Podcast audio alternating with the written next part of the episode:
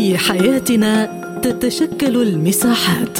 نظل داخلها على اختلاف الثقافات. ولكن في مساحتنا تتحد الغايات. لأننا نغوص في أعماق المجتمعات. فإذا كان لديك وجهة نظر حرة فاهلا بك في مساحة حرة.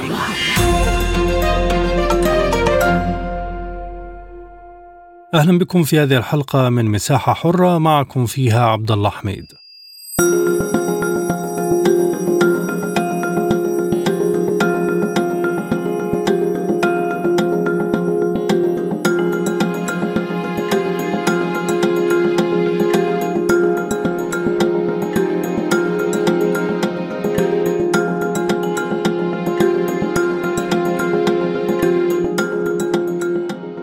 شراكات اقتصادية وتجارية يبنيها الجانب العربي مع الصين كأحد الدول الكبرى في الاقتصاد العالمي.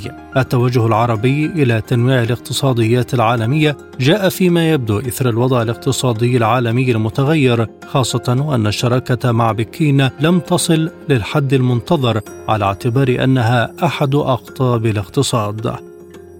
الرئيس الصيني شي جين بينغ عقد اجتماعات مع زعماء الدول العربية والخليجية لتعزيز العلاقات والبناء على الشراكات التاريخية والاستراتيجية مع الدول العربية أهمية القمة تأتي من توحيد الصف العربي في استقطاب أهم الاقتصادات الدولية للمساهمة في بناء تجارة بينية معها وزيادة العمل على توفير سلع تستوردها أو تصدرها الأسواق في العالم العربي.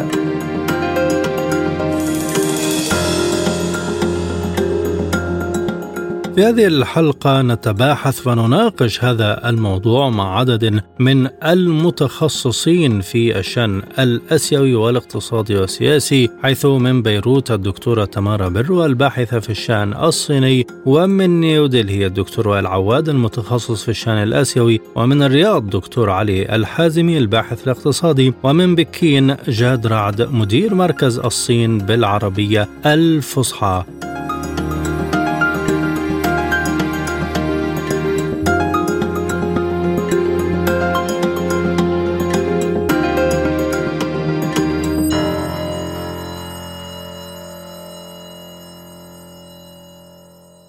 للنقاش والبحث حول هذا الموضوع تنضم إلينا الباحثة في الشأن الصيني الدكتورة تمارا برو من بيروت. أهلا بك سيدتي. بداية العلاقات العربية مع الصين كيف يمكن تعزيزها في ظل المعطيات الدولية؟ تحية لحضرتك. بالنسبة للعلاقات العربية الصينية نلاحظ أن العلاقات قد تطورت خلال الفترة الأخيرة بشكل كبير. ممكن أن نقول أنها تطورت كثيرا ابتداء منذ تسلم الرئيس شي جين بينغ السلطه واقتراحه وإعلان عن مبادرة الحزام والطريق حيث وصل بالعام 2021 التبادل التجاري بين الصين والدول العربية بحدود 32 مليار دولار أمريكي. الدول العربية الصين ترغب في الانخراط وتقويه علاقاتها مع الدول العربية نظرا لموقعها الاستراتيجي المهم وأيضا أن لها دور أساسي في مبادرة الحزام والطريق وهي المبادرة التي تسعى إلى إنجاحها ودفعت عليها مليارات الدولارات، أيضا الدول العربية المنطقة العربية غنيه بالنفط، السعودية هي المورد الأول المنفذ إلى الصين كما أن هناك عدة دول عربية من بين. أول عشر دول موردة للنفط إلى الصين منها الإمارات كما أيضا هناك الكويت فمنطقة غنية بالنفط أيضا قطر غنية بالغاز الذي تحتاجه الصين ومؤخرا تم توقيع اتفاقية غاز الغاز المسال بين الصين وقطر لمدة 27 عام وهي أطول اتفاقية. هناك رغبة وهل يمكن والعربي في تطوير العلاقات خاصة في الوضع الاقتصادي العالمي المتأزم والمنكمش. هل يمكن توسيع أو زيادة الأرقام التجارية والاقتصادية مع بكين؟ أعتقد أن هذه القمه العربية ستزيد من حجم التبادل التجاري بين الصين والدول العربية، يعني اعلن أن هناك تقريبا 30 اتفاقية بين السعودية والصين، أعتقد أن هناك الكثير من الاتفاقيات التي سيتم توقيعها بين الجانب الصيني والدول العربية خلال القمة العربية، ولا ننسى أيضا أن هناك مفاوضات حول اتفاقية التجارة الحره بين الصين والدول الخليج فأعتقد أن التبادل التجاري سيرتفع بين الصين والدول العربية خلال الفترة القادمة. أيضا حجم الاستثمارات الصينية آه، في ازدياد والصين أيضا راغبه بشدة في زيادة استثماراتها في المنطقة العربية لا سيما في السعودية ومشاركتها في آه، في آه، يعني تريد ترغب الشركات في المشاركة في رؤية السعوديه 2030 ومشاركة في استثمارات في مدينه اليوم السعوديه. ما هي تحديات تطوير العلاقة بين الدول العربية والصين؟ هل توجد معرقلات برأيك؟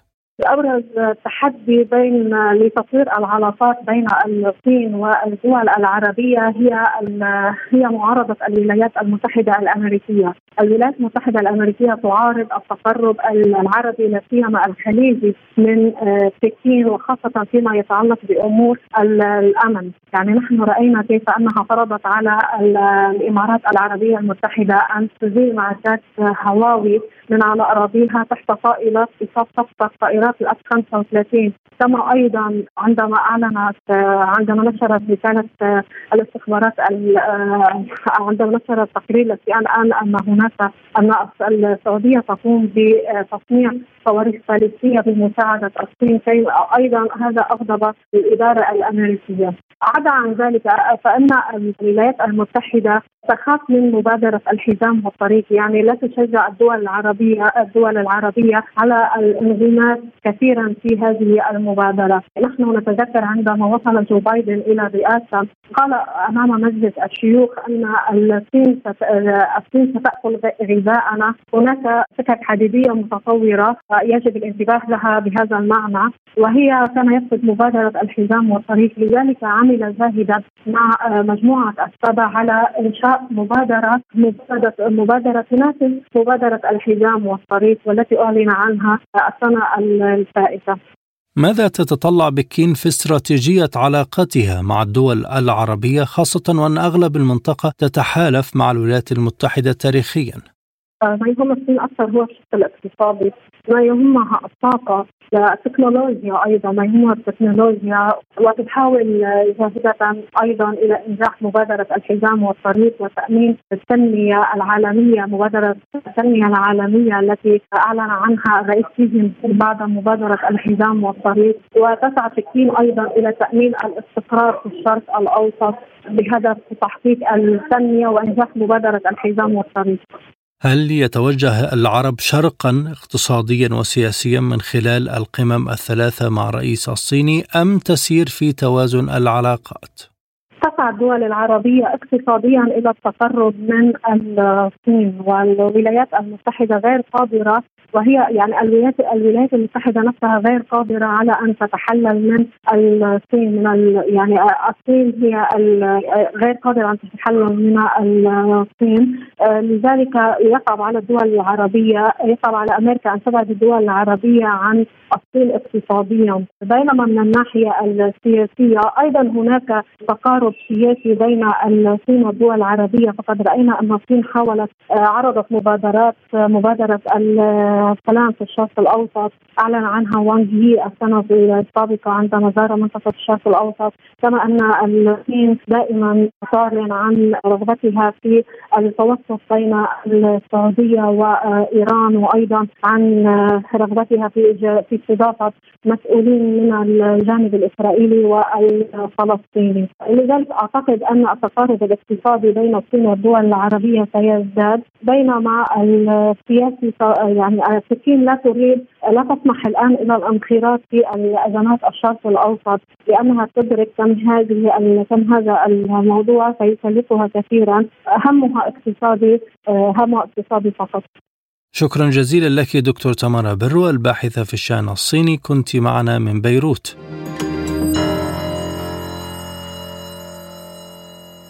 ينضم إلينا من نيودلهي الدكتور وائل عواد المتخصص في الشأن الآسيوي أهلا بك دكتور ما أفق التبادل الاقتصادي والتجاري بين الصين والدول العربية؟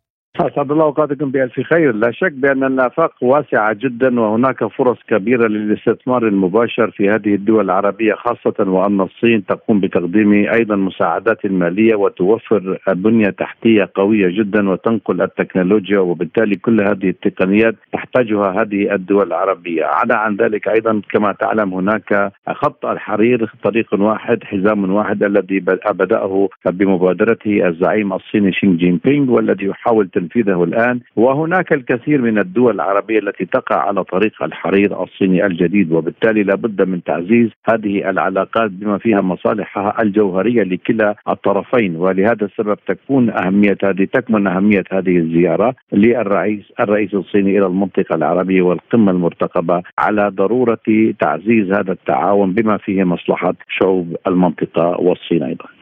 إلى أي مدى يمكن أن تعتمد الدول العربية على الصين كبديل عن الغرب؟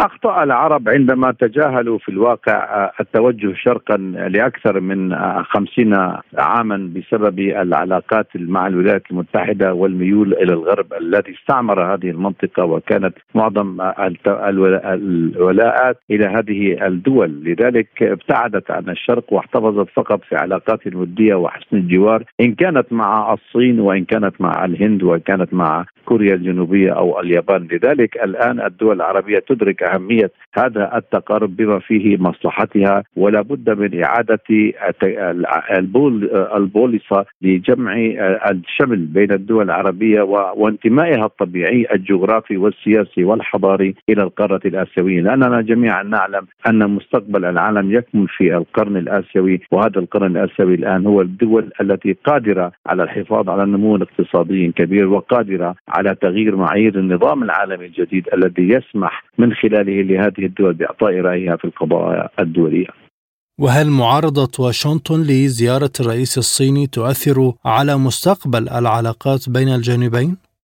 الولايات المتحدة ما زالت تنظر إلى هذه المنطقة كمحميات أمريكية. لا تسمح لهذه الدول باستقلالية قراراتها السياسية وقراراتها المصيرية باعتبار أنها تقول أنها توفر الأمن والحماية العسكرية لها لأن الولايات المتحدة عمدت على مدى السنين الماضية على إيجاد دوما هناك يعني من يخاف من عدو وهمي. هذا العدو الوهمي الذي يدفع بهذه الدول إلى الولاء للولايات المتحدة والمطالبة بحمايتها. لذلك هناك هناك على الأقل نوع من الفتور أو انحسار النفوذ الأمريكي في هذه المنطقة، لكن لا يمكننا أن نقلل من أهمية الوجود العسكري خاصة القواعد العسكرية والجيش الأمريكي والاعتاد العسكري في هذه المنطقة التي توفرها الولايات المتحدة منذ عام 1990 لهذه الدول، وبالتالي ربما تكون هذه الدول أرادت أن تتخذ قرارات أكثر استقلالية عن السياسة الأمريكية وهي الرسائل الموجهة إلى اداره بايدن على أن لا تبقى تنظر على أن هذه الدول تريد التعامل مع الولايات المتحدة كحلفاء أو كحلفاء لها لمعاداة من تعاديه الولايات المتحدة وليس لخدمة مصالح الدول في المقام الأول. هل أثر الحياد العربي على المستوى الدولي بعلاقاتها شرقا وغربا سواء مع الصين وروسيا أو مع الولايات المتحدة والغرب؟ للأسف الصراع بين القوى العظمى هو صراع دائم ومستديم وهناك أيضا صراع على المصالح وبالتالي الدول العربية منطقة موارد طبيعية ومنطقة غنية بالنفط والغاز وهذه الموارد الطبيعية التي تجعل منها منطقة يعني ملاذا لجميع دول العالم لاستغلالها وسرق ونهب خيراتها. وعندما تقوم هذه الدول بنوع من الاستقلالية لتعزيز علاقاتها مع دول أخرى تسعى هذه الدول الاستعمارية إلى كسر هذه الخطة وسرقة نقود علنا. وفي ضوء وضح النهار لهذه الدول. إن كانت من خلال افتعال الحروب إن كانت من خلال ما تقوم به من حرب كانت الحرب الخليجية الأولى الحرب الخليجية الثانية أو الثالثة كل ذلك دليل على أن هذه الدول غير مهتمة بمصالح هذه الشعوب. وبالتالي أعتقد أن الوقت قد آن. قد حان الوقت الآن لهذه الدول أن تدرك مصالح شعوبها وتشتغل وتعمل على مصالحها مصالحها القومية لأنها ليست بمنأى عن الصراع الدولي بين الولايات المتحدة والصين وروسيا من ناحيه لأن الولايات المتحدة والغرب الآن حددا أهدافهم حددوا أهدافهم من خلال العداء المباشر لروسيا والعداء المباشر للصين. وهذا يعني نحن أمام تغيرات وتقلبات جديدة وسيكون هناك تأثيرات سلبية على مستقبل الأمن والاستقرار ليس فقط في منطقة الخليج ولكن في العالم لأن هذه السياسة العدوانية الاستعمارية ما زالت مستمرة حتى تاريخ. متى يمكن تنفيذ الاتفاقيات بين الصين والدول العربية في ظل الأوضاع الاقتصادية الدولية؟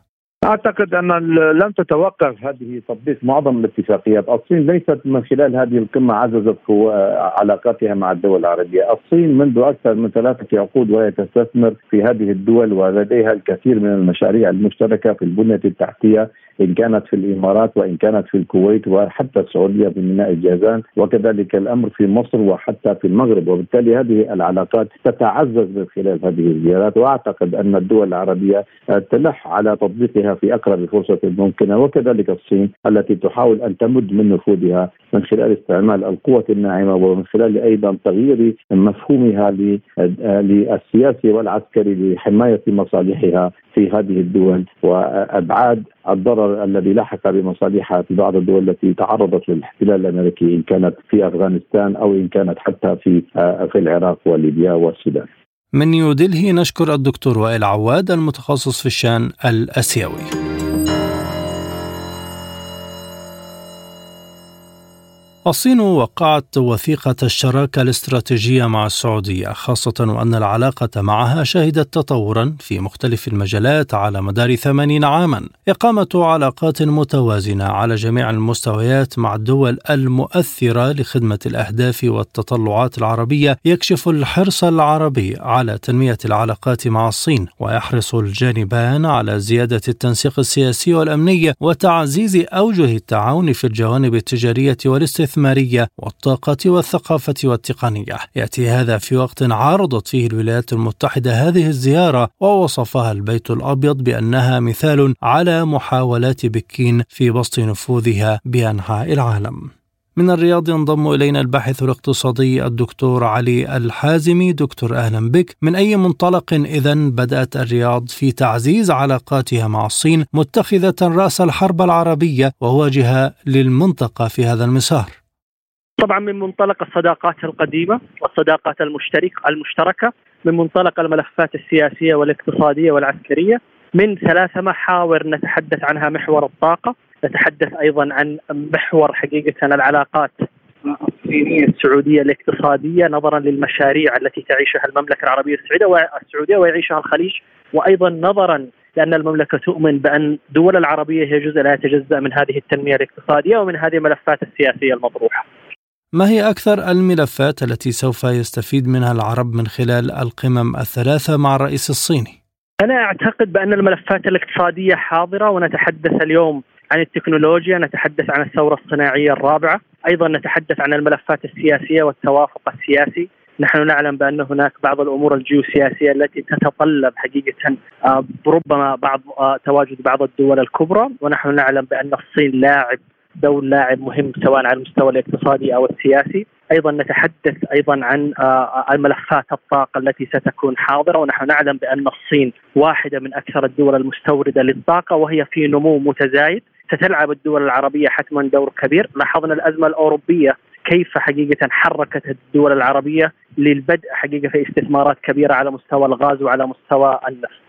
برأيك هل استطاع العرب تنويع علاقاتهم الدولية وتوحيدها بخلاف دول أوروبا التي اعتمدت على الولايات المتحدة والآن تتأثر بها أو تتأثر بهذا الاعتماد؟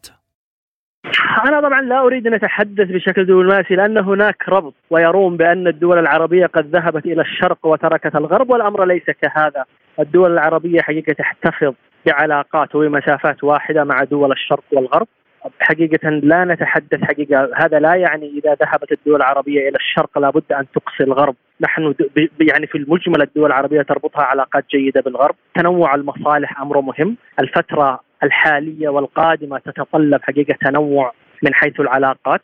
أنا أعتقد بأن آه، القمة تتسع للجميع والعلاقات والصداقات تتسع للجميع. لذلك أنا أعتقد بأنه ليس خذلان غربي كما تحاول بعض حقيقة القنوات أو الصحف نشره. هناك نعم هناك ربكة أوروبية تحدث الدول الأوروبية بأن هناك خذلان من الجانب الأمريكي على مستوى الطاقة على مستوى بيع الأسلحة وكان آخرها يتحدثون عن النظام الضريبي الذي تحدثت عنه الولايات المتحدة الأمريكية بأن هناك اعفاءات ضريبية للشركات التي تعمل في الطاقة الخضراء وكان هناك غضب أوروبي من هذا الأمر، أنا لا أعتقد بأن الدول العربية تنظر من هذه الزاوية، هي تنظر من باب التنوع الصداقات والعلاقات، فما هو موجود في الشرق ربما لا يكون موجود في الغرب، وما هو موجود في الغرب ربما لا يكون موجود في الشرق، لذلك هذا التنوع يأتي من هذا المنطلق. لكن كل الدول تبحث عن أكثر الاتجاهات استفادة منها. ما الذي آه، يضير الغرب من تنويع الدول لعلاقاتها؟ كيف يمكن إقناع الجانب الغربي بذلك؟ أنا أنا أعتقد أن العرب ليسوا مسؤولين عن إقناع أي جانب من هذا الأمر. أنا شاهدت حقيقة تصريح للولايات المتحدة الأمريكية وكان تصريح منصف. أحد المتحدث باسم الخارجية الأمريكية تحدث بأن زيارة الصين للمملكة العربية السعودية والاجتماع بالدول العربية هو حق سيادي لهذه الدول. وهذا تصريح مسؤول في, في, في اعتقادي وحقيقة يبين وجهة نظر آه، الولايات المتحدة الأمريكية والغرب في المجمل بأن عقد صداقات مع دول أخرى هو حق مشروع وحق وقرار سيادي للدول العربية وقتما شاءت وحيثما شاءت وأينما شاءت.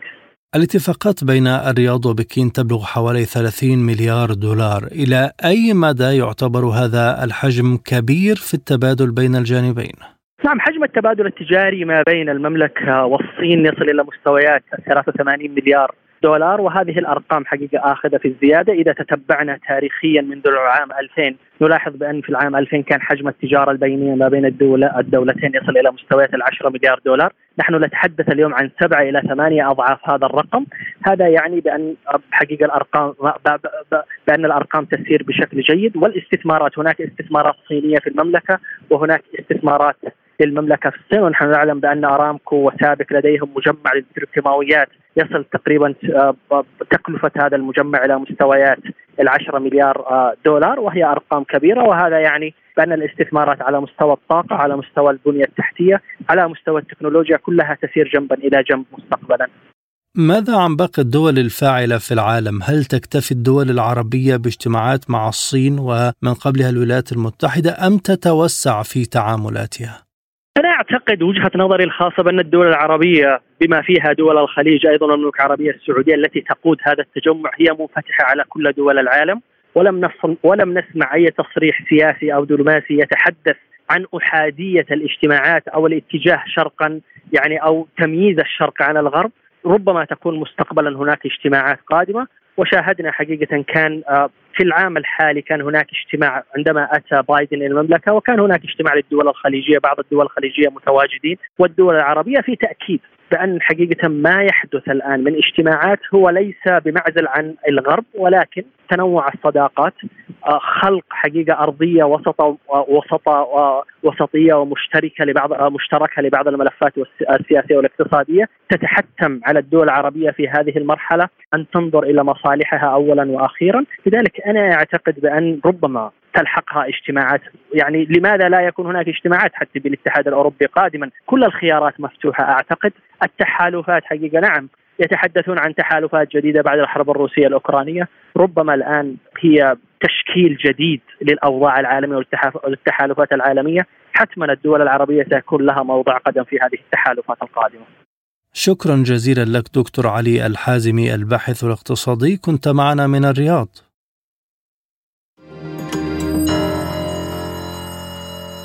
من بكين ينضم إلينا السيد جاد رعد مدير مركز الصين بالعربية الفصحى. أهلا بك سيد الكريم. ما أهمية انعقاد القمم الثلاثة مع الصين في الرياض خلال هذا التوقيت؟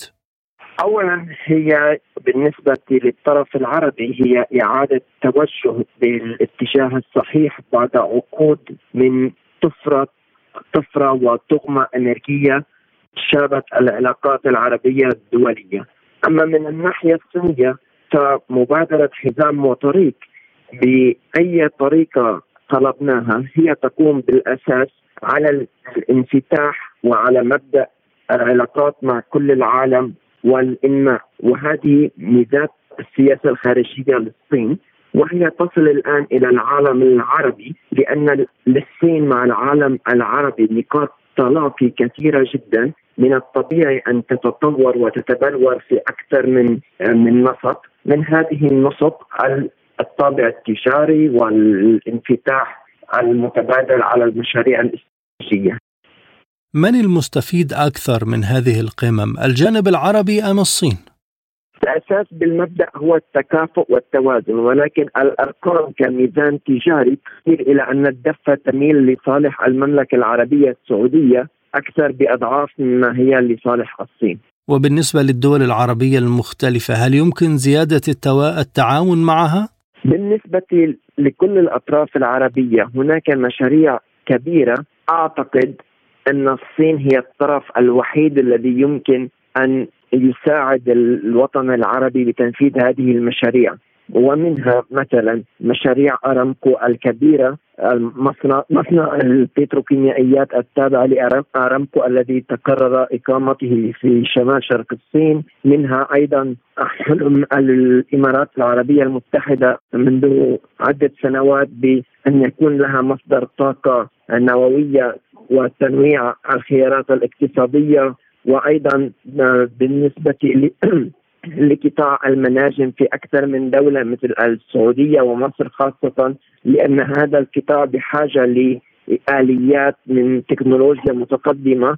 لم يقم الغرب بمساعدة الدول العربية يوما لاستثمار هذا القطاع في حين أن الصين حريصة أن تتكامل مع الدول العربية في هذه التجارة وهذا الإنماء. الزيارة تأتي في ظل معارضة أمريكية آه، لها. كيف تقرأ الصين التصريحات الأمريكية الأخيرة؟